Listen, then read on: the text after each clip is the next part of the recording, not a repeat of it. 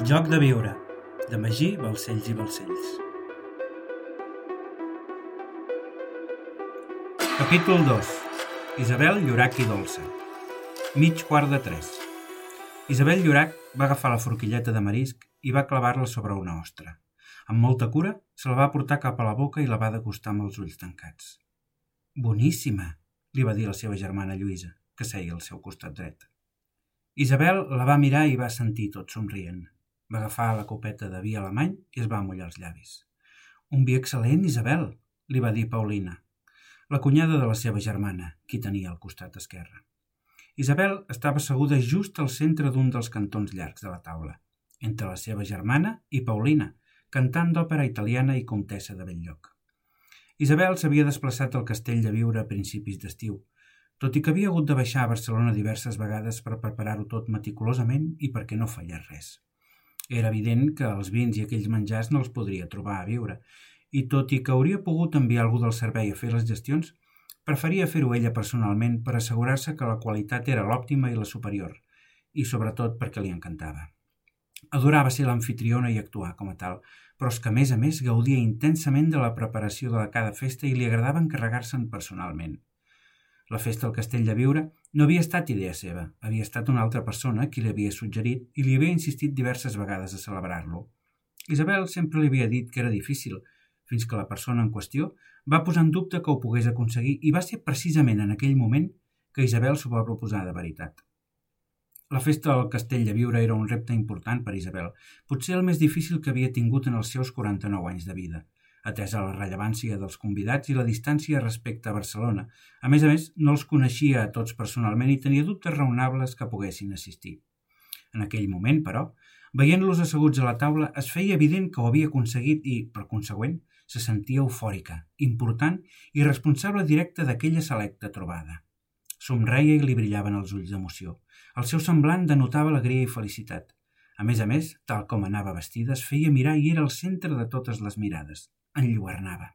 Vestia com si es tractés d'una boda de les més distingides famílies barcelonines. Portava un vestit d'una sola peça de to verd maragda, dissenyat pel famós dissenyador francès Paul Poret, compost per una faldilla de seda amb volants i lluentons a joc a la part superior, amb una màniga molt curta que tan sols li cobria les espatlles, deixant-li els braços al descobert i amb un fi coll alt replet de lluentons que ressaltava la sinuositat del seu esbel coll. A les mans Portaven fins guants blancs que li arribaven fins al canell, quasi transparents, molt típics de l'època. I a les cames, unes suaus mitges blanques amb costura al darrere, això com els guants, que dibuixaven els seus bessons gràcies a unes boniques sabates de tacó amb punta rodona. Portava el cabell curt, no més enllà de l'alçada de les orelles, i d'un cantó més penjant que l'altre, pentinat de tal forma que semblaven ones, i els llavis pintats d'un intens vermell fosc. Finalment, un llarg collaret de perles amb dues voltes al coll, unes boniques arracades masriera modernistes en forma de fulles i al cap una diadema de pedreria de la mateixa firma de la que en penjava just al front una perla en forma de llàgrima molt semblant a la famosa perla peregrina de les joies de la corona espanyola. Sempre vestia amb molta elegància, fent-se mirar i admirar per tothom, sobretot per les dones, que la consideraven la persona més ben vestida de Barcelona. El glamour que desprenia Isabel amb els vestits que comprava personalment a París, per ella la pàtria de la moda femenina, dictava les tendències en el vestir de les barcelonines de classe alta. Als seus 49 anys es conservava bastant bé, tot i que per ell això no era rellevant, ja que donava molta més importància a les relacions d'amistat que havia teixit al llarg dels anys que no pas al seu semblant o als teixits que la cobrien, encara que fossin caríssims i els més elegants de tots. No era una dona lletja, però tampoc es podia dir que fos guapa. No li importava. Per ella, l'únic important era continuar sent una de les més destacades figures de la burgesia per la seva estoradora capacitat d'organitzar luxoses festes on es conjugava la perfecció i el bon gust amb la més trepidant modernitat. Si per alguna cosa era coneguda, a part de per la seva fortuna, era per les seves festes i la seva manera de ser. La seva presència era notòria en qualsevol acte que assistia, seduïa pel seu somriure i per la seva fermesa temperamental – Tenia un atractiu especial i en el tracte era afable i denotava una gran cultura sense ser pedant en cap cas. Tothom la considerava una persona fora de sèrie, amb un talent innat per dinamitzar la vida social i cultural de Barcelona. Isabel era soltera i vivia sola en la seva esplendent mansió de la part alta de Barcelona, al carrer Montaner, en una torre modernista feta per Puig i Cadafalc el 1904. El fet de ser soltera i sense compromís li havia permès portar una vida absolutament diferent de la majoria de dones. Havia viatjat per mig món, mantenia amistat amb infinitat de persones famoses, com el rei Alfons XIII, Coco Chanel, el xef Escoffier, els arxiducs d'Àustria o els sars de Rússia abans de l'assassinat perpetrat pels bolxevics. Havia conegut a centenars d'artistes, pintors, cantants, cartellistes, actors, escultors, escriptors, dramaturgs... Havia llegit, havia après idiomes i havia pogut fer de la seva vida una autèntica aventura. Rica i soltera, ningú gosava dir-li el que havia de fer i no tenia cap mena de pudor per anar al Liceu a gaudir d'una òpera de Puccini i després passejar-se amb el seu Rolls Royce descapotable pel barri xino de Barcelona, per gaudir dels artistes de carrer i acudir a cafès bars, cabarets, music halls i moblers del paral·lel, un fet impensable per la resta de dones de la classe alta que la van fer coneguda a tota la ciutat. No és que tingués ganes de protagonisme, sinó que realment pensava que la vida burgesa, la qual adorava, necessitava contagiar-se de l'esperit bohemi i artístic per refinar-se, per ser més xic, i per tant sentia la necessitat vital de freqüentar els locals on acudien els intel·lectuals i artistes per contaminar-se del seu admirable esperit excèntric. La cultura era la seva predilecció i, com a tal, des de la seva posició social creia que era imprescindible crear un major vincle entre la classe benestant, ancorada en costums clàssics, i els intel·lectuals i artistes que buscaven noves tendències. Tenia la necessitat de conjugar el món gran amb el món de les arts i les lletres. Creia que no hi havia res tan útil per millorar i elevar el to d'una èlit com que els poetes, els pensadors i els artistes els transmetessin les seves inquietuds espirituals i que l'èlit, al seu torn, els infongués una mica de sentit social i de gràcia urbana en una simbiosi que els milloraria a tots. La llibertat amb què vivia Isabel va ser una de les causes per les quals es va posar en boca de gran part de la burgesia, i malgrat que moltes dones l'envejaven i la titllaven d'esnob, el cert és que ser convidat en el si d'alguna de les seves festes era sinònim d'elegància, bon gust i diversió, i era una de les aspiracions més desitjades de la burgesia. Acudir a les festes de la senyora Isabel era molt indicatiu de ser una persona important, fos en l'àmbit econòmic o cultural, i, per tant, significava aconseguir un segell de qualitat que tothom reconeixia. A tall d'exemple, en els programes del Liceu, a més a més de la programació musical, hi havia una petita secció anomenada Notes de Societat, on es parlava dels casaments i actes de la burgesia. Doncs bé, les festes de la senyora Isabel Llorac sempre apareixien en aquesta secció i eren llegides per totes les persones que anaven al Liceu, és a dir, la flor innata del país.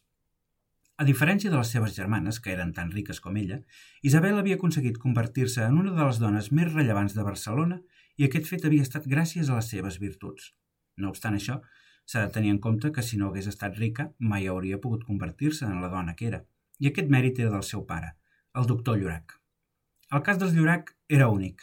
En tan sols dues generacions havien passat de ser simples jornalers rurals a convertir-se en membres de la més selecta alta societat i propietaris d'una riquíssima empresa farmacèutico-medicinal amb seu a París.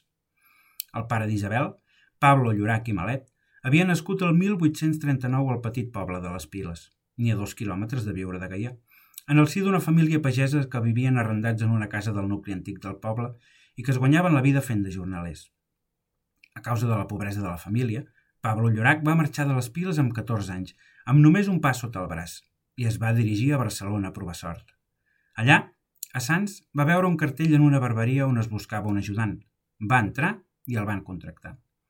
Amb els pocs diners que va fer, es va dedicar a estudiar i pocs anys després va voler entrar a treballar al manicomi de Sant Boi, fet que va aconseguir i amb el qual es va poder pagar la carrera de Medicina, sobretot gràcies a l'ajuda d'Antoni Jovell Amenós, un amic d'infantesa de les Piles que havia fet fortuna amb el comerç a Cuba. Mentre estudiava Medicina, va conèixer el doctor cirurgià Tomàs Dolça i Ricard, qui va quedar tan captivat per les habilitats de Pablo Llorac que el va convertir en el seu soci ja que el 1863 van fundar conjuntament l'Institut Frenopàtic de les Corts, el primer d'Espanya en tractar els pacients com a malalts i no com a bojos. Poc temps després, Pablo Llorac va casar amb Concepció Dolça, la filla del seu soci, i el matrimoni, instal·lat en el Frenopàtic de les Corts, va tenir quatre filles. El 1870 es va doctorar a Madrid i poc temps després, aconseguida certa estabilitat, va tornar al seu poble de les Piles i va fer fortuna comprant una font d'un poblet proper. L'estiu de 1870, el doctor Pablo Llorac caminava pels camps que el van veure créixer conjuntament amb la seva dona Concepció Dolça i es van fixar en un ramat de vents que s'acostava a veure aigua en una font. Immediatament després que els animals haguessin begut, van començar a defecar de forma incontrolada, així que el doctor Llorac va agafar una mostra d'aigua i la va fer analitzar. Els resultats van concloure que l'aigua tenia una composició òptima pel tractament de malalties de l'aparell digestiu, el restanyiment i diverses dermatosis, amb una concentració de sals excel·lents i components tòxics molt reduïts.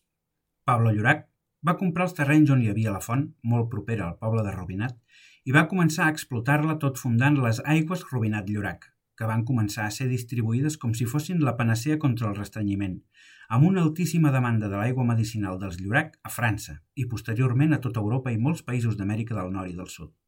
Pablo Llorac es va enriquir a un ritme inimaginable, més de 500 pessetes diàries, i va fixar la seu de Rubinat Llorac a la ciutat de París ni més ni menys, en aquells temps la ciutat més important del món. Uns anys més tard, en plena febre d'or, amb els molts diners aconseguits va començar a comprar terres i propietats, entre les quals una bonica torre a Sant Gervasi, una font de les Piles que a partir de llavors seria coneguda com la Font del Llorac o el vell castell de Viure.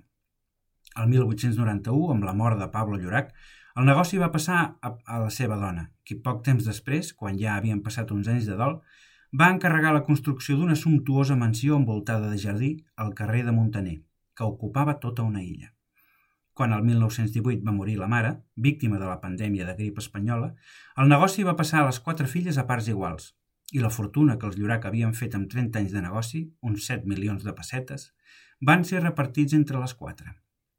Isabel, la petita, va heretar la casa Llorac del carrer Montaner, mentre que la seva germana Lluïsa va heretar la llotja del Liceu i la va intercanviar amb la seva germana gran pel castell de Viure, castell que li havia tocat amb l'herència i que no volia per res. Per contra, a Lluïsa, casada amb un militar descendent de família aristocràtica, el castell li feia gràcia.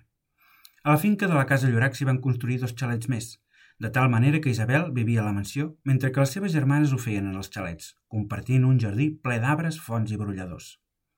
Va ser a partir d'aquí quan Isabel va començar a despuntar i quan casa seva es va convertir en el centre de la seva activitat social i cultural.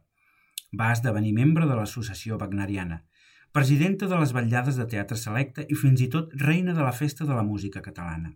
Assistia a les carreres de cavalls de l'hipòdrom del Prat de Llobregat, freqüentades pel Boi Millor de Barcelona, al Liceu, al Palau de la Música, a les sessions de la Maison Doré i als tres dansants del restaurant Llibre. Gràcies a la seva fortuna i a la seva virtut, organitzava trobades a la seva mansió del carrer Montaner que anaven des de sessions acadèmiques fins a representacions d'obres teatrals d'avantguarda, amb l'assistència, entre d'altres, de Vaslav Nijinsky, Carlos Gardel, Maurice Chevalier, Josephine Baker, Miguel Fleta i Wanda Landowska. Si abans de tot això ja era un personatge conegut, la seva intensa vida cultural la va posar al punt de mira de la burgesia per la seva elegància i excentricitat. Un binomi difícil de casar, però que en el seu cas encaixava a la perfecció, tot conferint-li un atractiu irresistible. Isabel va tornar a fer un glob de vi, observant orgullosa a tots els convidats i verificant que tothom ja s'hagués acabat el plat. Va mirar el majordom i va assentir. Aquest, al moment, es va acostar a la taula, tot entenent la indicació d'Isabel, i va dir Bé, ara és el moment d'obrir el sobre que tenen al davant. Hauran vist que tenen un petit sobre amb el títol El joc de viure i que cada sobre conté un número diferent. Obrin-lo, llegeixin-lo en veu baixa i després recitin-lo per ordre. Eh, m'explico. Veuran que cada sobre està numerat de l'1 al 32. Així que qui tingui el número 1 s'alçarà i llegirà en veu alta el que hi diu en el seu paper.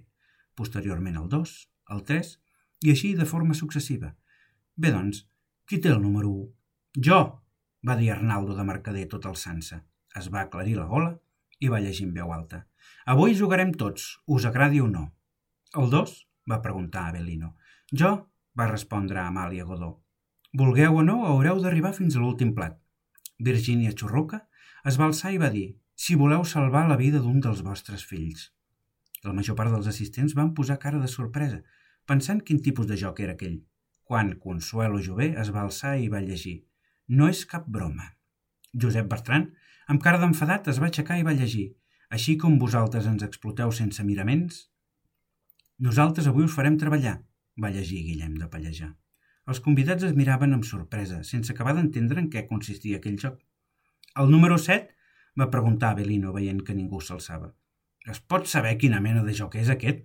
Trobo que és de molt mal gust, va dir Joaquim Milans del Bosc. No sé exactament en què consisteix, senyor Milans del Bosc. Potser si acabem de llegir tots entenem de què es tracta, va respondre amablement Isabel. El número 7? va preguntar Avelino, tot mirant la senyora Llorac amb cara de sorpresa. Jo sóc el 7, va dir Joaquim Milans del Bosc. i haureu de pervocar les vostres misèries per redimir-vos. Maria Cristina Güell es va alçar molt nerviosa i va llegir. Un fill vostre és captiu i morirà si no seguiu el joc. Just en aquell moment es va produir un incòmode silenci que va posar tothom en alerta. Però aquest joc què és, Isabel? D'on ha sortit? El que diu el meu paper, va dir Domènec Cert. El que diu el meu és ofensiu, va dir Joan Antoni Güell. Ens el van enviar per correu fa uns dies, va dir Isabel. Anava amb una carta on deia que un dels convidats proposava un joc. La carta conté les instruccions del joc. Amb la carta hi havia un conjunt de sobres numerats que s'havien de repartir a cada plat. I com sabem que l'ha enviat algú d'aquesta taula? va preguntar Anna Jové. Això és el que diu la carta, va respondre Isabel. De fet, l'objectiu del joc és anar donant pistes a cada plat perquè entre tots nosaltres puguem esbrinar qui ha proposat el joc. Eh, no ens esbarem. Llegim tots els paperets i a veure què passa. Seguim, doncs? Va preguntar Antoni Maria Jové. Ara em toca a mi. La majoria d'assistents va assentir i Antoni Maria Jové va llegir. A cada plat trobareu un sobre amb més instruccions. Juguem? va seguir Paulina Pozzali. No proveu de marxar. Està tot tancat, va llegir Carme Estrup. No proveu d'avisar la policia, va dir Isabel Llorac amb un punt de preocupació. Si l'aviseu, el vostre fill morirà, va llegir Anna Jové. Seguiu el joc i enfronteu-vos al que sou, va dir Francisco Javier de Mercader. Burgesia catalana, gent esnop i fatxenda, va seguir Edith de Llaurador, que només mira per la seva gutxaca, va dir Joan Godó. Addicte a la morfina, va llegir Clotilde Ricard. Aquest joc és un ultratge, va dir Antonio Bertran, molesta. El número 20? va preguntar Ramon Godó, encuriosit per quin era el missatge complet. Maria Teresa Núñez del Pino es va aixecar i va llegir. El luxe sumptuós. Jo no vull jugar. Em nego a llegir el que diu en aquest paper, va dir Domènec Cert. Jo també, va dir Joan Antoni Güell. Si només és un joc, quina importància té que ho llegim encara que sigui ofensiu? Aquí ens coneixem tots, va dir Ramon Godó. El que llegim aquí no sortirà d'aquí. És només un joc, en teoria, no? I, I si no ho és, només entendrem de què es tracta si ho llegim tot. El meu paper hi diu que un dels nostres fills morirà. Només podrem saber si és un joc o una broma de mal gust si ho llegim tot. Domènec Cert es van passar la saliva i va dir a les pistoles del sindicat lliure i a l'explotació. Nets de negrers indignes, fills de polítics corruptes, va dir Joan Antoni Güell de mala gana. Pares del tràfic de favors, suborns i extorsions. Voleu jugar? va llegir Lluís el Llorac. Un dels vostres fills morirà, va dir Ramon Godó. Si no seguiu el joc, va llegir Francesc Cambó. És el fill d'un prestigiós militar, va dir Matías Muntades. De sobte, totes les mirades es van centrar en els dos militars presents, Francisco Javier de Mercader i Joaquim Milans del Bosch. El següent, va dir Francisco Javier de Mercader amb autoritat després d'un incòmode silenci. Amic de Martínez Anido i el sometent, va llegir Isabel Güell. I com que no creieu res més que en els diners i el vostre honorable nom, va dir Antònia Bertran. Aquí us deixo una prova, va dir Lluís Ferrer Vidal perquè us prengueu el joc seriosament, va llegir Carlos de Sant Manat. Un pom de roses, va dir el cardenal Vidal i Barraquer. Reposa a la taula, va dir Maria Carbonell. Busqueu a dins, va llegir Eusebi Güell. Jo sóc l'últim? va preguntar Josep Patlló. Sí, va respondre Belino. I trobareu un record, va finalitzar Josep Patlló. Al moment, tothom es va centrar la seva mirada en el pom de roses que reposava al centre de la taula. Francisco Javier de Mercader, es va alçar de la taula amb rapidesa i nerviosisme. Va anar fins a l'entrada del castell, on hi havia un moble amb un joc de bastons, en va agafar un i es va dirigir un altre cop a la taula. Amb el pom del bastó, va agafar el gerro de roses que hi havia al mig de la taula i el va estirar cap a ell. Va treure les roses i va mirar dins. De sobte, va obrir els ulls intensament, de tal manera que semblava que li sortirien de les òrbites, alhora que obria la boca i agafava aire, tot dibuixant-se la por en el seu rostre. Van retirar la mirada, es va posar la mà dreta sobre la boca i va deixar el gerro a la taula un altre cop. «Què hi ha, Paco?» va preguntar Joaquim Milans del Bosc, molt nerviós.